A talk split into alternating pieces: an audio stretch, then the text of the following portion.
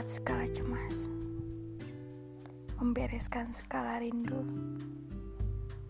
agar berkurang beban hati, agar ringan langkah kaki.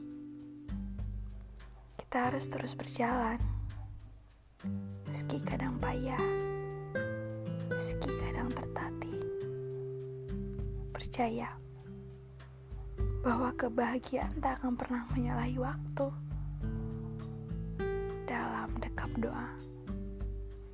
Biarkan segala kesesakan mengudara. Semoga lekas membaik. Segala yang sedang tidak baik-baik.